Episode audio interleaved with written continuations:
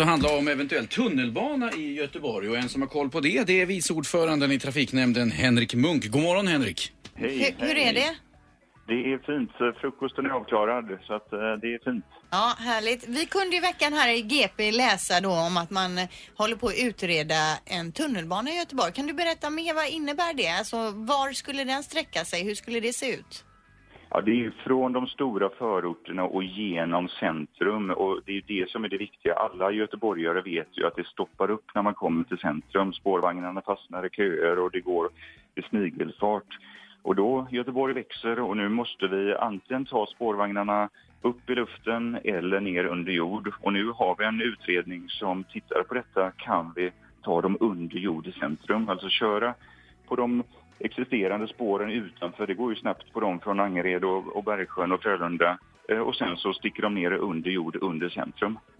Men hur, hur är det praktiskt möjligt med tanke på att det står massa byggnader redan idag och eh, det är ju jättelätt att få sättningsskador och sådär med tanke på att det är väldigt Ja, mycket lera i stan. Och, och, precis, och det, är- det är det som är det nya med den här utredningen, att titta på möjligheten, kan man köra ner de så kallade duospårvagnarna, alltså som kan köra även på järnväg, att köra ner dem i Västlänken och göra en, en avstickare från Västlänken eh, då under Chalmers och Sahlgrenska och sen ansluta mot Frölunda. Så att man använder till största delen Västlänken för detta. Då har vi redan en eh, grundplåten för en tunnelbana. Men vad tror du? Är det här någonting som eh, kommer att bli en sanning så småningom?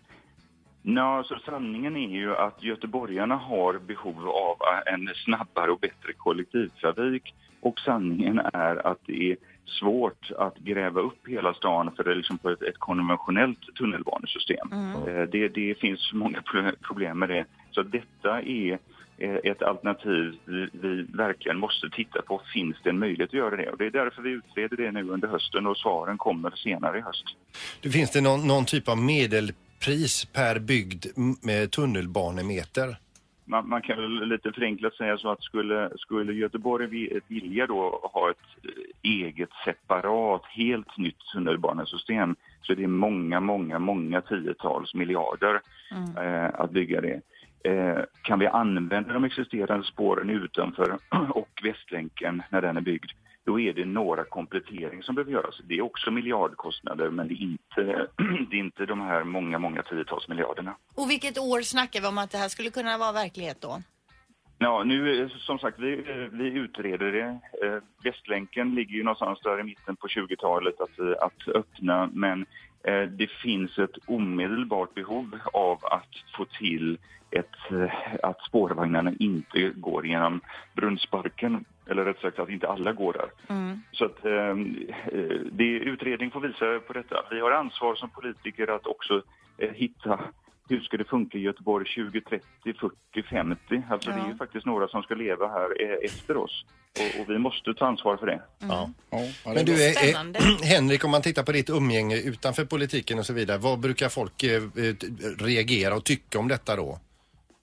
Jag har blivit överöst med positiva eh, mejl och på Facebook och det, eh, det är många som är jättepositiva och det är positivt eh, både från folk som cyklar och åker kollektivt och de som bara kör bil eh, och så. Så att jag har alla möjliga input som är väldigt, väldigt positiva. Eh, SVT gjorde ju en sån här liten opinionsundersökning. Det var ganska många som svarade och det var upp till om det var 67-69 procent som var positiva. Så jag känner att det finns ett väldigt, väldigt ja, stort tryck. Gör någonting åt kollektivtrafiken i Göteborg. Där är vi med. Vi- eh, Henrik, vi hoppas att det fortsätter blåser positiva vindar och så tackar vi för att du tog dig tid idag. Tack för att ni ringde. Ja, ha, det gott, hej då! Hej, hej. Hej. Ett poddtips från Podplay. I fallen jag aldrig glömmer djupdyker Hasse Aro i arbetet bakom några av Sveriges mest uppseendeväckande brottsutredningar. Går vi in med hemlig telefonavlyssning och, och då upplever vi att vi får en total förändring av hans beteende. Vad är det som händer nu? Vem är det som läcker?